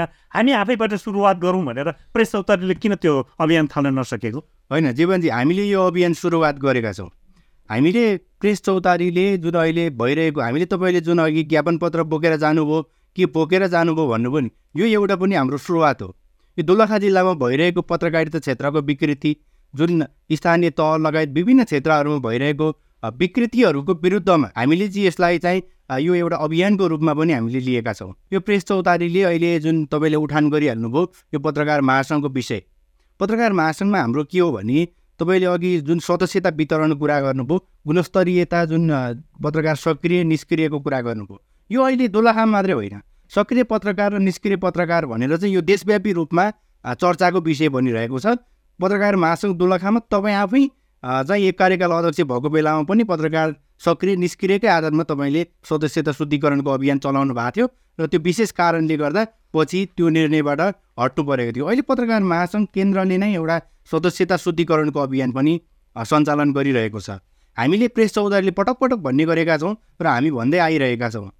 पत्रकारिता गर्ने पत्रकारिता पेसामा आबद्ध भएका व्यक्तिहरूलाई पत्रकार महासङ्घको सदस्यताबाट वञ्चित गराउनु हुँदैन। हामीले पत्रकार महासङ्घमा सदस्यता बनाउने विषयलाई कुनै पनि सङ्गठनले त्यो भोटरको रूपमा हामीले हेर्नु हुँदैन। उसको करियरसँग जोडिएको कुरा हुनसक्छ। उसको चाहिँ भविष्यहरूसँग जोडिएको कुरा भएको हुँदा पत्रकार महासङ्घमा आबद्ध गराउनको निमित्त उसलाई सदस्यता दिनको निमित्त उसलाई हामीले सङ्गठनले कुनै पनि सङ्गठनको आक्षेप लगाएर उसलाई चाहिँ पत्रकारिता गर्दै गरेको व्यक्तिलाई चाहिँ हामीले वञ्चित गराउनु हुँदैन। एक हामीले पत्रकार महासङ्घमा पत्रकारलाई भोटरको रूपमा हेर्नु हुँदैन सङ्गठनहरूले। तर नयाँ सदस्यको हकमा तपाईँले भन्नुभएको जस्तो होला। समय परिस्थितिले त्यस्तै खालको सिर्जना गरेको होला। नि एक वर्ष दुई वर्ष तिन वर्ष चार वर्षसम्म पत्रकारिता गरिरहँदाखेरि यस्तो हो महासङ्घको सदस्य नपाएको होला। त्यस्तोहरूले पाउनुपर्छ। तर तपाईँले अर्को के बुझ्नु पर्यो भने जसले चाहिँ तपाईँको चाहिँ चार वर्ष पाँच वर्ष दस वर्षसम्म पत्रकारिता गर्दै गरिरहेका छैनन् जो चाहिँ पत्रकारभन्दा टाढा रहेर चाहिँ आफ्नो जीविकोपार्जन गरिरहेछन् त्यस्तोलाई चाहिँ जोगाइराख्नुपर्छ भन्ने हो चौतारीको त्यस्तो होइन त्यस्तो होइन। हामीले जुन अहिले तपाईँले भन्नुभयो सक्रिय निस्किएको कुरा सक्रिय निस्किने तपाईँको चाहिँ फुल समय पत्रकारिता क्षेत्रमा आबद्ध रहेर उसले पत्रकारिता गर्नु पर्यो र उसले चाहिँ समाचार लेख्नु पर्यो आबद्ध जुन मिडियासँगै सम्बन्धित रहेर चाहिँ उसले जुन पत्रकारिता पेसा गर्दै आउनु पर्यो कोही व्यक्तिहरू अहिले यस्ता छन् जो चाहिँ अरू पेसामा आबद्ध छन् र उस चाहिँ बाँचेको समय केही थोरै समय मात्रै चाहिँ पत्रकारिता पेसामा लगानी गर्ने। उसैलाई चाहिँ सबैभन्दा ठुलो उसलाई चाहिँ सबै जिल्लाकै सबैभन्दा ठुलो पत्रकार म हुँ भन्ने किसिमको जुन एउटा अहन्ता दम्ब छ। र उसले चाहिँ जुन बचेको जुन केही समय हुन्छ त्यही समयलाई सामान्य रूपमा प्रयोग गरेर चाहिँ उसले पत्रकारिता क्षेत्रलाई चाहिँ आफ्नो नेतृत्वमा लिनु खोज्छ त्यसो भएपछि विकृति आउने हो। जहाँनिर हामीले अघि तपाईँलाई भन्यौँ जुन अहिले जो तपाईँले विज्ञप्ति बोकेर हिँडेको कुरा नि जोड्नुभयो हामीले पटक पटक जहाँनिर दमन हुन्छ जहाँनिर शोषण हुन्छ त्यहाँबाट चाहिँ आन्दोलन सुरुवात हुन्छ। त्यसो भएको हुँदा हामीले यो विषयलाई पहिल्यैदेखि उठान गरिरहेका छौँ। हामीले चाहिँ यो दोलखाको शुद्धिकरणलाई अभियानको रूपमा लिएर जानुपर्छ भनेका छौँ। तर दोलखा जिल्लामा दोलखाको पत्रकारिता पेसा हेर्ने हो देखिने हो भनेदेखि त पत्रकारिता बिस पच्चिसजनामा सीमित होला नि त दोलखाको पत्रकारिता। तर अहिले दोलखामा एक सय पाँचजना पत्रकार छन् दसजनालाई सदस्यता नयाँ सदस्यता थप गरिँदैछ। यसो भइरहँदाखेरि चाहिँ हामीले एउटा स्वच्छ छविको व्यक्तिहरू पत्रकारिता पेसामै आबद्ध भएको व्यक्तिलाई चाहिँ पत्रकार महासङ्घको सदस्यता बनाउनुपर्छ र उनीहरूलाई चाहिँ महासङ्घको सदस्यता दिनुपर्छ भन्ने हाम्रो धारणा हो। हामीले कहिले पनि पत्रकार महासङ्घमा भएका व्यक्तिहरूलाई भोटरको रूपमा हेरेका छैनौँ र होला सदस्यता वृद्धि गराउँदै लानुपर्ने हामी सबै सङ्गठनको दायित्व हो। सदस्यता वृद्धि गराउने र संस्थामा आबद्ध भएका हाम्रा सदस्यहरू छन् उनीहरूको क्षमता अभिवृद्धि गराउने र उनीहरूलाई चाहिँ पत्रकारिता क्षेत्रमा नै चाहिँ सक्रिय गराउने हाम्रो पनि भूमिका हो। हो हामीले त्यसको निमित्त चाहिँ विभिन्न योजनाहरू ल्याउनुपर्छ कार्यक्रमहरू सञ्चालन गर्नुपर्छ र उनीहरूलाई पत्रकारिता पेसामा नै चाहिँ सक्रिय गराउनु पर्ने हाम्रो दायित्व छ। तर अहिले कतिपय जुन पत्रकारिता क्षेत्रमा चाहिँ यो पत्रकारिता क्षेत्र गरेर जीविको चल्दैन भन्ने कतिपय व्यक्तिहरूको निष्कर्ष छ। त्यसो पकाउँदा उसले चाहिँ पत्रकारिता पेसा त्याग्न पनि सकेको छैन र उसले चाहिँ जीवन यापन सञ्चालनको लागि यसमा चाहिँ पत्रकारितालाई पनि सँगसँगै लिएर जानुहोस् अथवा पत्रकारको पनि खोल उठेर बस्नुहोस् अनि अरू आफ्नो धन्दा त छँदैछ होइन। भन्छ कि के भन्छ? त्यस्तो होइन। हाम्रो विशुद्ध पत्रकारिता गर्ने व्यक्तिहरूलाई पत्रकारितामै मात्रै आबद्ध हुनको लागि आग्रह चौतारीमा आबद्ध भएका पत्रकारहरू हामी सङ्ख्यामा नजाउँ पर्सेन्टमा जाउँ न कति प्रतिशत जति चाहिँ तपाईँले अहिले मिठो भाषामा व्यक्त गर्नुभएको जति होला कति प्रतिशत जति चाहिँ अलिक जस्तो होइन देखि त अब हामीले त पत्रकारिता सङ्गठनको हिसाबले भनिरहँदाखेरि त शत प्रतिशत भन्नुपर्ने हुन्छ। तर त्यसो भइरहँदाखेरि हामीभित्र पनि केही प्रतिशत चाहिँ साथीहरू अन्य पेसा गर्ने र केही बचेको समय पार्ट टाइमको रूपमा पत्रकारिता पेसा गर्ने साथीहरू पनि हुनुहुन्छ। त्यसो भइरहँदा हामी आग्रह गर्छौँ उहाँहरूलाई फुल समय पत्रकारिता क्षेत्रमा लाग्नको निमित्त पनि हामी आग्रह गर्न चाहन्छौँ। जुन अघि तपाईँले गुणस्तरको कुरा गर्नु पनि पत्रकारिता क्षेत्रको गुणस्तर खस्किँदै गएको विषय कहाँनिरबाट सुरुवात हुन्छ भने जो पत्रकारिता क्षेत्रमा समय दिन सक्दैन जसले थोरै समय पत्रकारिता क्षेत्रमा दिन्छ र उसले चाहिँ खोज अध्ययन अनुसन्धान गर्दैन पत्रकारिता क्षेत्रको अध्ययन अनुसन्धान गर्दैन। कुनै पनि एउटा विषयवस्तुमा रिपोर्टिङको निमित्त उसले चाहिँ त्यो फिल्डसम्म पुगेर अध्ययन गर्दैन। स्रोतहरू चाहिँ के के स्रोतहरू हो त्यो स्रोतहरू उपलब्ध गराउँदैन। विशुद्ध उसले चाहिँ फेसबुकमा एउटा सूचना देखेको आधारमा त्यो सूचनालाई आधार बनाएर पत्रकारिता गर्दै आउने।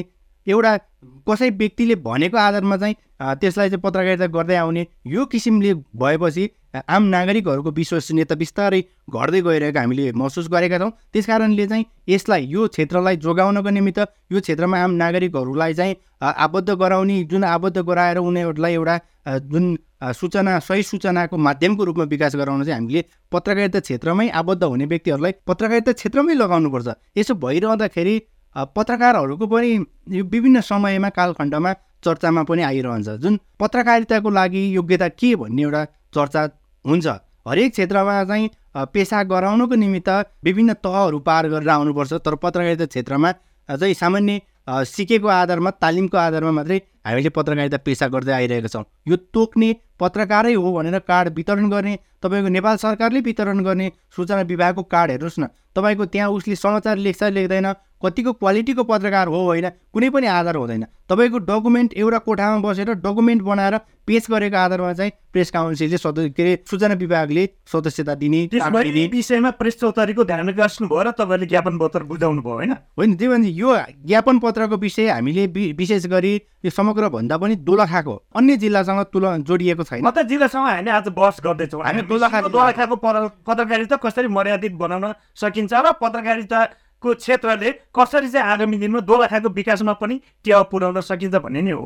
होइन सतहत्तर सालमा जब चुनाव यो चैतमा चुनाव भयो चुनाव पछि अहिले प्रेस चौतारी जुन दोलखाको इतिहासमा लामो समयसम्म चाहिँ पत्रकारिता क्षेत्रमा प्रेस चौतारीले नेतृत्व गरेको संस्था पत्रकार महासङ्घ। तर एक खालको आरोप पनि छ नि प्रेस चौतारीलाई। पत्रकार महासङ्घमा प्रेस चौतारीको नेतृत्व हुँदाखेरि चाहिँ सबै कुराहरू ठिक। केही समय दुई तिन वर्ष बाहिर हुँदै बित्तिकै प्रेस चौतारीको चाहिँ टाउको दुख्नु पनि यो त आरोप त छ नि होइन यो त तपाईँले हेर्न सक्नुहुन्छ नि। दोलखाको पत्रकारिता क्षेत्रमा दोलखाको पत्रकारिता यहाँसम्म ल्याउनको निमित्त चाहिँ दोलखाको पत्रकारिता क्षेत्रलाई विकास गराउनको निमित्त प्रेस चौतारीको भूमिका छैन भन्ने नै होइन। हामीले के भनेका छौँ भने तपाईँले हाम्रो नेतृत्वमा हाम्रो पहुँचमा हाम्रो नेतृत्वले हुँदाखेरि चाहिँ दोलखा जिल्ला शाखा चाहिँ नेपाल पत्रकार महासङ्घले चाहिँ उत्कृष्ट काम गर्यो। दोलखा शाखा एउटा नमुना शाखाको रूपमा छ भनेर हामीले दोलखा दोलखाले केन्द्रबाट चाहिँ पुरस्कार पाउने अवस्था थियो। तपाईँको अहिले चाहिँ जुन एउटा संस्था तपाईँको जिन्दगीभर कहिल्यै पनि अफिस नखुल्ने बन्द हुने यो हामीले त विकृतिको रूपमा तपाईँ पनि एउटा पत्रकारिता पेसामै आबद्ध भएको व्यक्ति भएको हुँदाखेरि यो कुरा त तपाईँले पनि अनुभव गरिराख्नु भएको छ देखिरहनु भएको छ। र यो विशेष यो विज्ञप्तिको कुरालाई चाहिँ मैले अन्त जिल्लासँग तुलना भन्दा नि हामीले विशेष गरी दोलखामै मात्रै पत्रकार महासङ्घमा नेतृत्व गर्ने साथीहरू जो नेतृत्वमा हुनुहुन्छ उनीहरूले चाहिँ खुल्ला आँखाले हेर्नु पऱ्यो कुनै सङ्गठन प्रेस चौतारी भनेर हेर्नु भएन प्रेस युनियन भएर हेर्नु भएन त्यसो भएको हुँदा उसले खुल्ला रूपमा हेरेर सबैलाई पत्रकार सम्मान रूपमा हेरिनु पर्यो। र पत्रकार महासङ्घमा चाहिँ प्रेस चौतारीको पनि केही अस्तित्व छ। अहिले पनि दोलखा जिल्लामा पत्रकार महासङ्घमा पचास प्रतिशत पत्रकारहरू चाहिँ प्रेस चौतारीमा आबद्ध भएको पत्रकार साथीहरू सदस्यता हुनुहुन्छ। त्यसो भइरहँदा उनीहरूले बिचमा केही समय प्रेस चौतारीलाई बायस गरेर जाने प्रेस चौतारीको चाहिँ कुनै पनि कुराहरू नसुन्ने स जुन हामीले उठान गरेको विषयहरू चाहिँ उनीहरू सम्बोधन नहुने भएपछि आज हामी जुन महासङ्घमा चाहिँ आन्दोलनको रूपमा गइरहेका छौँ। सुरजी मैले तपाईँले कहाँ जान खोजेँ भने अहिले भर्खर प्रभुजीले व्यक्त गर्नुभएको कुराप्रति तपाईँ कति सहमत हुनुहुन्छ? यदि सहमत हुनुहुन्न भने के गर्दा चाहिँ प्रेस चौतारीले? त्यो खालका ध्यानकर्षण पत्र ज्ञापन पत्र बोकेर हिँड्नु अथवा ती कुराहरू उठान गर्नुभन्दा के कुरा चाहिँ गरेको भए राम्रो लाग्छ? तपाईँको उदाहरण। होइन पक्कै पनि जस्तो कुनै पनि तपाईँको सङ्गठनमा अथवा तपाईँको महासङ्घमा सर्वे सर्व कोही हुन्छ भने हुँदैन। अब तपाईँको कतिको कतिलाई चाहिँ के हुन्छ भने अब गुनासो त उठिहाल्छ तर तपाईँको चाहिँ कुरा उठ्दैमा कमसेकम त्यसका पनि त विधि हुन्थ्यो होला। सोल्युसन चाहिँ आपसी समझदारी अर्थात् अथवा छलफलबाट केही प्रक्रियाबाट त अगाडि बढ्थ्यो होला होइन?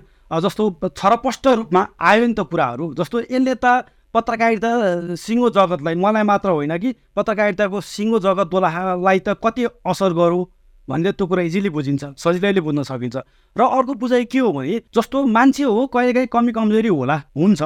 अब संस्थागत हिसाबले काम गर्दा कमी कमजोरी हुन्छ होला। तर अहिले पनि त जस्तो उहाँहरूले विज्ञप्ति बुझाउनु विज्ञप्ति चाहिँ लगाएर अब खोइ खासै अहिले पछिल्लो चरण त केही देखिएको छैन नि त। त्यो त्यो कुरो त अब जस्तो अब सुन्दै आएको महासङ्घले त अब अडिट गरिसक्यो होइन? त्यसो भए इनकेस तपाईँसँग छलफल गरेको भए यदि प्रेस सेन्टरसँग चाहिँ प्रेस चौतारीले छलफल गरेको भए अथवा तपाईँ आफूलाई चाहिँ के गरिदिएको भए चाहिँ राम्रो हुन्थ्यो अथवा दोलखाको समग्र पत्रकारिताको क्षेत्रमा चाहिँ यो चाहिँ हुन्थ्यो भन्ने के लाग्छ त त्यसो होइन आपसी छलफल र साझेदारी समझदारी र सबैजना बसेर एउटा छलफल प्रक्रिया विधिबाट नै सोल्युसन निस्किने हो। अब अन्तिममा हुने त त्यही हो। त्यो होइन जीवनजी पत्रकार महासङ्घले जब पत्रकार महासङ्घमा निष्क्रिय गैर पत्रकारहरूको चाहिँ हाबी भयो र उनीहरूले जब सङ्गठन संस्थाको नेतृत्व गरे त्यहाँ चाहिँ गैर पत्रकारहरूलाई स्थापित गराउने र सक्रिय पत्रकार पत्रकारिता पेसामा आबद्ध रहने साथीहरूलाई बायस गरेर जाने जुन किसिमको अहिलेको जुन उनी यो महासङ्घले नेतृत्व गरेको उनीहरूको जुन किसिमको यो अहिले योजना छ यो योजना चाहिँ हामी सफल हुन दिँदैनौँ। अहिले सरसरी हेर्दाखेरि तपाईँलाई चाहिँ सामान्य देखिए तापनि एउटा विषय केन्द्रित भएर एउटा सङ्गठन केन्द्रित भएर सक्रिय पत्रकारहरूलाई चाहिँ महासङ्घबाट निकाल्ने र त्यहाँ चाहिँ गैर पत्रकारहरूको चाहिँ हाबी गराउने अरू सङ्गठनको व्यक्तिहरूको अनि तपाईँको पत्रकारिता पेसामै आबद्ध नभएका सदस्यता मात्रै वितरण गरेका व्यक्तिहरूको जुन नेतृत्व गरेर त्यहाँ चाहिँ हालिमुहाली गराउने किसिमको जुन अभियान सुरु भएको छ यो हामी मान्दैनौँ। यो पत्रकार महासङ्घ हामीले प्रेस चौतारीले पत्रकार महासङ्घ दोलखा पनि सर्वै सर्व निकाय होइन। त्यसो भएको हुँदा हामीले विभिन्न तहहरू होला प्रदेश होला केन्द्र होला यदि त्यो पनि नभएदेखि चाहिँ हामीले न्यायिक निकायहरू होला हामीले त्यो पनि चाहन्छौँ। त्यसो भए अस्ति पनि हामीले प्रदेश कमिटीमा पनि यो कुरा उठान गरेका छौँ। दोलखाको विषय के भन्दा दोलखामा विशुद्ध रूपमा नेपाल पत्रकार महासङ्घले सदस्यता शुद्धिकरणको लागि जारी गरेको जुन पन्ध्र बुदा छ पन्ध्र बुदामा टेकेर हामी टेबलमाथि पन्ध्र बुदा प्रिन्ट गरेर राखेर को पन्ध्र बुदाले छुन्छ को छुँदैन निकाल्नको लागि हामी प्रेस चौतारी तयार छौँ। महासङ्घ त्यसमा तयार हुनु पऱ्यो नि। पत्रकार महासङ्घले चाहिँ सदस्यताहरू टुङ्ग्याउने विषय छलफल गरेर लानको निमित्त त छलफल गरेर विषय टुङ्ग्याउनु पर्ने होला नि त। सुरनजी समस्या आए। जस्तो हामीले अघि भर्खर चाहिँ विभिन्न पालि पालिकाको नेतृत्वकर्ताहरूको कमी कमजोरी देख्यौँ अरू व्यक्तिहरूको पनि कमी कमजोरी देख्यौँ। तर पत्रकारभित्रै चाहिँ आफ्नै समस्या आफै चाहिँ खालोभित्र पुरिरहेको अवस्थामा हामीले अर्काको आवाज कसरी बुलन्द गर्न सक्छौँ होला त सुशीलजी पत्रकारहरू पनि यही समाजबाट हुर्क्या हुन्। नि यही समाजमा बाँचेका होइन यही समाजको शिक्षा लिएका होला यही समाजमा हुर्क्या होला केही केही समस्याहरू आउन सक्छ। यो संस्था ठुलो भएपछि केही केही समस्या आउनु स्वाभाविकै हो। अर्को सङ्घ सङ्गठनले गर्ने कुराहरू पनि यो मलाई चाहिँ के लाग्छ भने यो बिएफटी दिने ताला लाउने हिजो चौतारीले नेतृत्व गर्दै गर्दा युनियनले ताला लाउने आज युनियनले नेतृत्व गर्दा चौतारी बिएफटी जाने यीहरू भइरहन्छ। यो सत्तादेखि सदनसम्म हुने कुरालाई यो कुरा धेरै चिज के हो भने गरेका माग गरेका कुराहरू छन् कि छैन भने त्यो अनुसन्धानले बता। तपाईँ आफूलाई चाहिँ तपाईँले पनि पढ्नुभयो होला। प्रेस चौतारीले उठान गरेका विषयवस्तु त केही त के बुझा त तपाईँले पनि पढ्नुभयो होला। ती उठान गरेका विषयवस्तु प्रेस चौतारीको मात्रै हो कि अथवा समग्र दोलखाको पत्रकारको पनि हो भन्ने के लाग्छ त प्रेस चौतारीले उठाएका विषयवस्तुहरूलाई त पत्रकार महासङ्घ उसले मागेको छ नि त यो यो कुराहरू गर्नु त्यो त छानबिन गर्दा संस्थाले जवाब दिने होला है त हामी सङ्गठनले बोल्ने कुरा त फरक पाटो छँदैछ पहिला संस्थाले उनीहरूले आरोप लगाइरहँदा आरोप पुष्टि आरोप हो या होइन भन्ने त पहिला संस्थाले पुष्टि गर्ने होला नि त हामीले त पुष्टि गरिदिने होइन होला। संस्थालाई अपचरण गऱ्यौ तिमीहरूले गलत गर्यो भनेर महासँग आरोप लाग्यो हामीले कसरी पुष्टि गर? चौतारीले माया कुरा महासँगले पुष्टि गर्ने त्यसको त अनुसन्धानको त केही दायरा होला नि त। आरोप लगाउने बित्तिकै पुष्टि होइन होला। अब अर्को कुरा के छ भने यो बिएफटीहरूको कुरा प्रश्न थियो। बिएफटी शिक्षाका कुरा। कोही ल शिक्षक होला। पत्रकारिता पेसालाई शिक्षक पनि छन्। हाम्रै हाम्रै सङ्गठनमा आबद्ध छ अर्को सङ्गठन आबद्ध छ। यसमा कसैले शिक्षकहरूलाई त निकाय के अरे शिक्षकहरूलाई त नियन्त्रण गर्ने निकाय होला नि त। शिक्षकहरूलाई चाहिँ मैले प्रेस युनियनको अध्यक्षले प्रेस सङ्गठन या चिफ प्रेस चौतारीको पत्रकार माझ सदस्य चाहिँ शिक्षक छ भने मैले कारवाही गर्ने त होइन होला। कारवाही गर्ने निकायले कारवाही गर्नु पऱ्यो नि त। सदस्य त अर्को कुरा शुद्धिकरणको सिफारिस छ नि। शुद्धिकरणको सिफारिस प्रदेशबाट आउँदा भनेको मैले जवाब पनि त्यही हो। यदि बागमती प्रदेशले टुङ्गो गर्छ भने रामेछापमा जे हुन्छ सिन्धुपाल्चोक जे हुन्छ दोलखामा त्यही हुनुपर्छ। त्यसो भए सुशान्तजी मैले यो कुरालाई यहीँ थाँती राखेँ किनभने हामीले आज सङ्गठनहरूको भूमिका मात्र खोजिरहेका छौँ। तपाईँले सुरुमा पनि उठान गर्नुभयो। म युवा छु युवा भएको हुनाले मैले प्रेस युनियनको नेतृत्व गरिराखेको छु भनेर भन्नुभयो।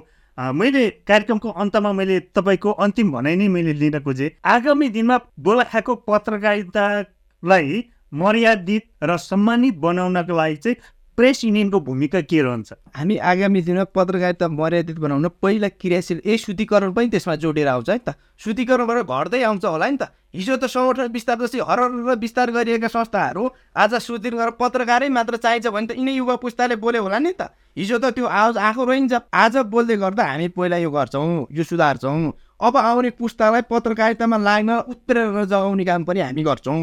हामी पत्रकारिता क्षेत्रमा गरेका कुराहरू हामीले स्थानीय तहकालाई अहिले पनि मैले अनुरोध गरेँ पत्रकारिता नाममा उठौती पठौती गरेबाट तपाईँहरू जोगिनुहोस्। तपाईँहरू डराउनु पर्ने किन? भनेर हामीले गरेका छौँ। हामी पत्रकारिता थप मर्यादित बनाउन पत्रकारिता कतिले गर्ने भन्ने त केन्द्रकै मापदण्ड छैन। होइन? अहिले हामीले वर्गको कुरा चाहिँ परुजीलाई उठाएर हुँदा बिहा त छुट्याएको छैन नि त। आज कलम बोकेर आउने पत्रकार बिस वर्षदेखि गर्ने पेसाको लागि पनि पत्रकार अहिले नलागौँ होइन? हामीले मात्र आफ्नो सङ्गठनको तर्फबाट आगामी दिनमा दोलखाको समग्र दोलखाको पत्रकारिताको कुरा मात्रै उठान गरे हामी गरिरहेका छौँ। प्रेस युनियनमा आबद्ध साथीहरूलाई म यहाँबाट भन्न चाहन्छु कतै कतै खबरदारी कतै गरेर कसैलाई ब्ल्याकमेलिङ गर्ने कहीँ उठाउँदै पठाउँदै गरेछ भने त्याग्नुहोस् यदि गर्नुहुन्छ भने अब आइन्दा कसैलाई गरेको थाहा पाउनु भने जवाब दिन म तयार छु। त्यही कारण पत्रकारिता मर्यादित दिनलाई हामी क्रियाशील पत्रकार मात्र पनि राख्छौँ। हाम्रो उत्पादन भनेको क्रियाशील पत्रकार काम नगर्ने साथीहरू आफै बिदा हुनुहोस् हामीले बिदा गर्नु पर्दैन नि त। कसैले काम नगर्ने साथी आफै बिदा हुनु त। पत्रकारितामा समय दिन सक्नु केमा समय दिन सक्नुहुन्छ? उता समय दिनुहोस् न। जेमा समय दिएको त्यसमा त राम्रो गरोस् भन्ने मात्रै हाम्रोमा हो। समय पत्रकारितामै समय धन्यवाद। धन्यवाद। मैले यही प्रश्न प्रेस सेन्टर दोलखाका अध्यक्ष अविरल सुरजीलाई जोडे। आगामी दिनमा दोलखाको पत्रकारिता मर्यादित सम्मानित बनाउनको लागि प्रेस सेन्टरको भूमिका के रहन्छ? छोटोमा। मैले यो कुरा तपाईँलाई जीवनजीलाई पनि सोधेँ जस्तो तपाईँ पनि पत्रकारितामा आबद्ध भइरहनु भएको छ जस्तो केही फरक त पाउनु होला नि दुई महिनाको समयमा। जस्तो हिजो जस्तो हिजोको अवस्था जस्तो थियो। त्यस्तो त छैन होला नि जस्तो हामी आउने बित्तिकै शुद्धिकरणको अभियान त चलिसकेको छ। होइन सुरु त भयो नि। जस्तो राम्रो कामको थाहा नि त एउटाबाट सुरु हुने होला नि। एउटा त्यो भयो। त्यसपछि अब अर्को हेर्नुहोस् त जस्तो हामी नै सङ्गठनको प्रमुख बनाएपछि यो प्रेस चौतालाई पनि टाउको दुखे भयो उहाँहरूले लगेर विज्ञप्ति कमसेकम महासङ्घ चाहिँ अब अलि सुत्रिनु पऱ्यो है अलिक सिस्टममा आउनु पऱ्यो भनौँ उहाँले पनि महासङ्घको चाहिँ अलिकति झकझकाउने काम गर्नुभयो हिजो गरेको भयो भने त होइन नि त हामी आएपछि गर्नुभयो नि त त्यो कुरा नि तपाईँले लिनुपर्छ। अनि अर्को कुरा चाहिँ अब अहिले चाहिँ युवा पुस्ता आएपछि तिनटै सङ्गठनको दरो कम्पिटिसन हुने भयो क्या। पत्रकारिता पेसाप्रति चाहिँ अहिले जनमासमा उठेका उब्जेका स्वस्थ प्रतिस्पर्धा छ है भन्ने पनि लाग्छ तपाईँलाई। किन नहुनु? तपाईँ देख्नुहुन्न एकदम निश्चिन्त भएर अब हेर्नुहोस् न जस्तो अहिले सुरु भइसकेको छ हामी आएको दुई महिनामा यति पो भनिसकेपछि अब अघि सुजनजीले भने जस्तो अब केही समयपछि हामीले फेरि ल्याएर यहाँ चाहिँ यसै गरी बहस गराउनुहोस्। अब पत्रकारिता सेक्टर चाहिँ दोलाखामा पहिलाको भन्दा धेरै फरक हुन्छ हेर्नुहोस्। अलिकति मर्यादित हुन्छ हेर्नुहोस्। यो कुरामा निश्चिन्त हुनुहोस्। र अर्को कुरा चाहिँ हाम मैले यही कार्यक्रमबाट चाहिँ साथीहरूलाई के अनुरोध गर्न चाहन्छु भने जस्तो अहिले चाहिँ पछिल्लो चरण पत्रकारिता पेसामा युवा पुस्ताहरू चाहिँ अलिक कम आकर्षित हुन थालेका हुन् कि भन्ने एउटा जनमासमा चाहिँ एक किसिमको त्यो चाहिँ गुनासो छ। अब पत्रकारिता पेसामा चाहिँ कामै गरेर कमाउनु सकिन्छ। होइन? जस्तो तपाईँको हिजोको जस्तो छैन नि त। डकुमेन्ट्री गर्दा भयो प्रोजेक्ट बेस प्रपोजल लेख्दा भयो अब भन्नु मतलब पत्रकारहरूले काम गरेर खाँदा चाहिँ पाइयो। पाइयो। तर ठगेर थर्काएर धम्क्याएर नखाउँ भन्ने त होइन तपाईँको पत्रकारिता भनेको त कामै गरेर खाने पेसा हो नि त। तपाईँको पत्रकारिता ठगेर तपाईँको लुटेर धम्क्याएर खाने भए त तपाईँको गुन्डागर्दी गर्दा भइहाल्यो नि। किन अरू क्षेत्र पनि छ भनेर भन्नुभएको होइन। धन्यवाद अभिनवजी प्रविधिले मैले यही प्रश्न दोहोऱ्याएँ किनकि हामी छोटो कार्यक्रमको अन्तमा आइसकेको हुनाले आगामी दिनमा दोराखाको पत्रकारिता मर्यादित र सम्मानित बनाउनको लागि प्रेस चौतारीको भूमिका के हो रहन्छ? साथीहरूले यसमा धेरै कुरा राख्नुभयो। मैले विशेष गरी अब केही विषयहरू भन्दाखेरि जुन पत्रकारिता क्षेत्रलाई मर्यादित पत्रकारिता क्षेत्र बनाउनको निमित्त प्रेस चौतारीले विशेष योजनाहरू छ चौतारीको र सो योजना अनुसार हामी काम गरिरहेका छौँ। सबै सङ्गठनको भूमिका अहिले भनेको नै हामी पत्रकारिता क्षेत्रलाई मर्यादित पत्रकारिता बनाएर लैजाउँ भन्ने न हो। दोलखा जिल्लाको पत्रकारिता पेसालाई चाहिँ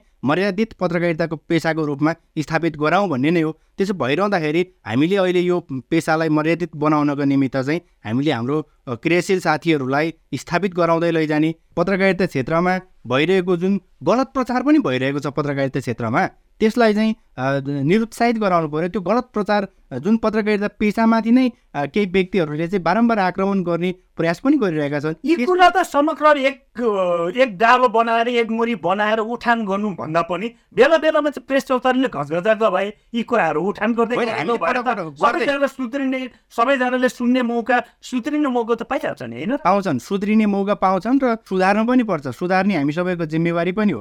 त्यसो भइरहँदा हामीले पटक पटक यो आग्रह गर्दै आइरहेका छौँ झकझग्याउने काम गराउँदै आइरहेका छौँ र हामी आगामी दिनहरूमा चाहिँ दोलखाको जुन पत्रकारिता पेसामा म भन्न चाहन्छु दोलखामा पत्रकारिता पेसाबाट कोही पनि कोही पनि स्थानीय तहको जनप्रतिनिधिहरू सरकारी कर्मचारीहरू आतङ्कित हुनुपर्ने अवस्था सिर्जना हुँदैन। हामीलाई जानकारी तरिका कोही साथीहरू जोडेको रहेछन् भने प्रेस जानकारी दिनु हामीलाई जानकारी दिनुहोस्। त्यो कुनै पनि हामी पत्रकारिता क्षेत्रमा काम गरेर खानको लागि आग्रह गर्ने हो। हामीले चाहिँ पत्रकारिता क्षेत्रलाई चाहिँ यो नाम बेचेर बिकाउ गरेर खानको निमित्त हामी कसैलाई पनि प्रोत्साहन गर्दैनौँ। काम गर्ने साथीहरूलाई हामी स्थापित गराउनको निमित्त कुनै पनि सङ्गठनलाई छुट छैन हामी चाहिँ स्थापित गराउन चाहन्छौँ। काम गर्ने साथीहरूलाई हामी सिप सिकाउनको निमित्त हामी तालिमहरू दिनको लागि हामी तयार छौँ। प्रेस चौतारीका अध्यक्ष मैले चौतारीका चाहिँ के आग्रह गरेँ भने तपाईँहरू तिनैजना युवा हुनुहुन्छ। मलाई लाग्छ लगभग उमेरको हिसाबले पनि तलमाथि अलिअलि होला होइन? एक दुई वर्ष एक दुई महिना तलमाथि होला। मैले आग्रह चाहिँ के गर्न खोजेँ भने यदि भोलिको दिनमा क्षमता विकासको कुरा भयो ग्रामीण तहमा चाहिँ रिपोर्टिङमा जाने कुराहरू भयो यी कुराहरूमा एकपटक प्रेस चौतारीले आयोजना गर्ने एकपटक प्रेस सेन्टरले आयोजना गर्ने अर्को पटक प्रेस युनियनले आयोजना गर्दाखेरि सँगसँगै जाँदाखेरि पनि मिल्दैन र। मिल्छ। नाम पत्रकार हामी पत्रकार जसले गरे पनि प्रेस चौतारीले अब गर्न सक्छ। हामी गर्छौँ। हामी गर्छौँ। हामी तयारीमा पनि जाउँ। ज जसले उत्पादन गरे पनि दोलाखाकै पत्रकार उत्पादन गर्ने हो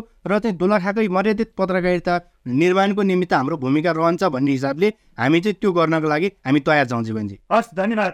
यहाँहरू तिनैजनालाई धन्यवाद। आजको कार्यक्रम चकटे यति नै। यतिन्जेलसम्म रेडियो सुनेर साथ दिनुहुने तपाईँ सम्पूर्ण श्रोतालाई धन्यवाद र प्राविधिक मित्रलाई धन्यवाद दिँदै कार्यक्रम सञ्चालन म जीवन लामा बिदा चाहन्छु। कालिम्पोङ एफएम सुन्दै रहनुहोला। नमस्कार।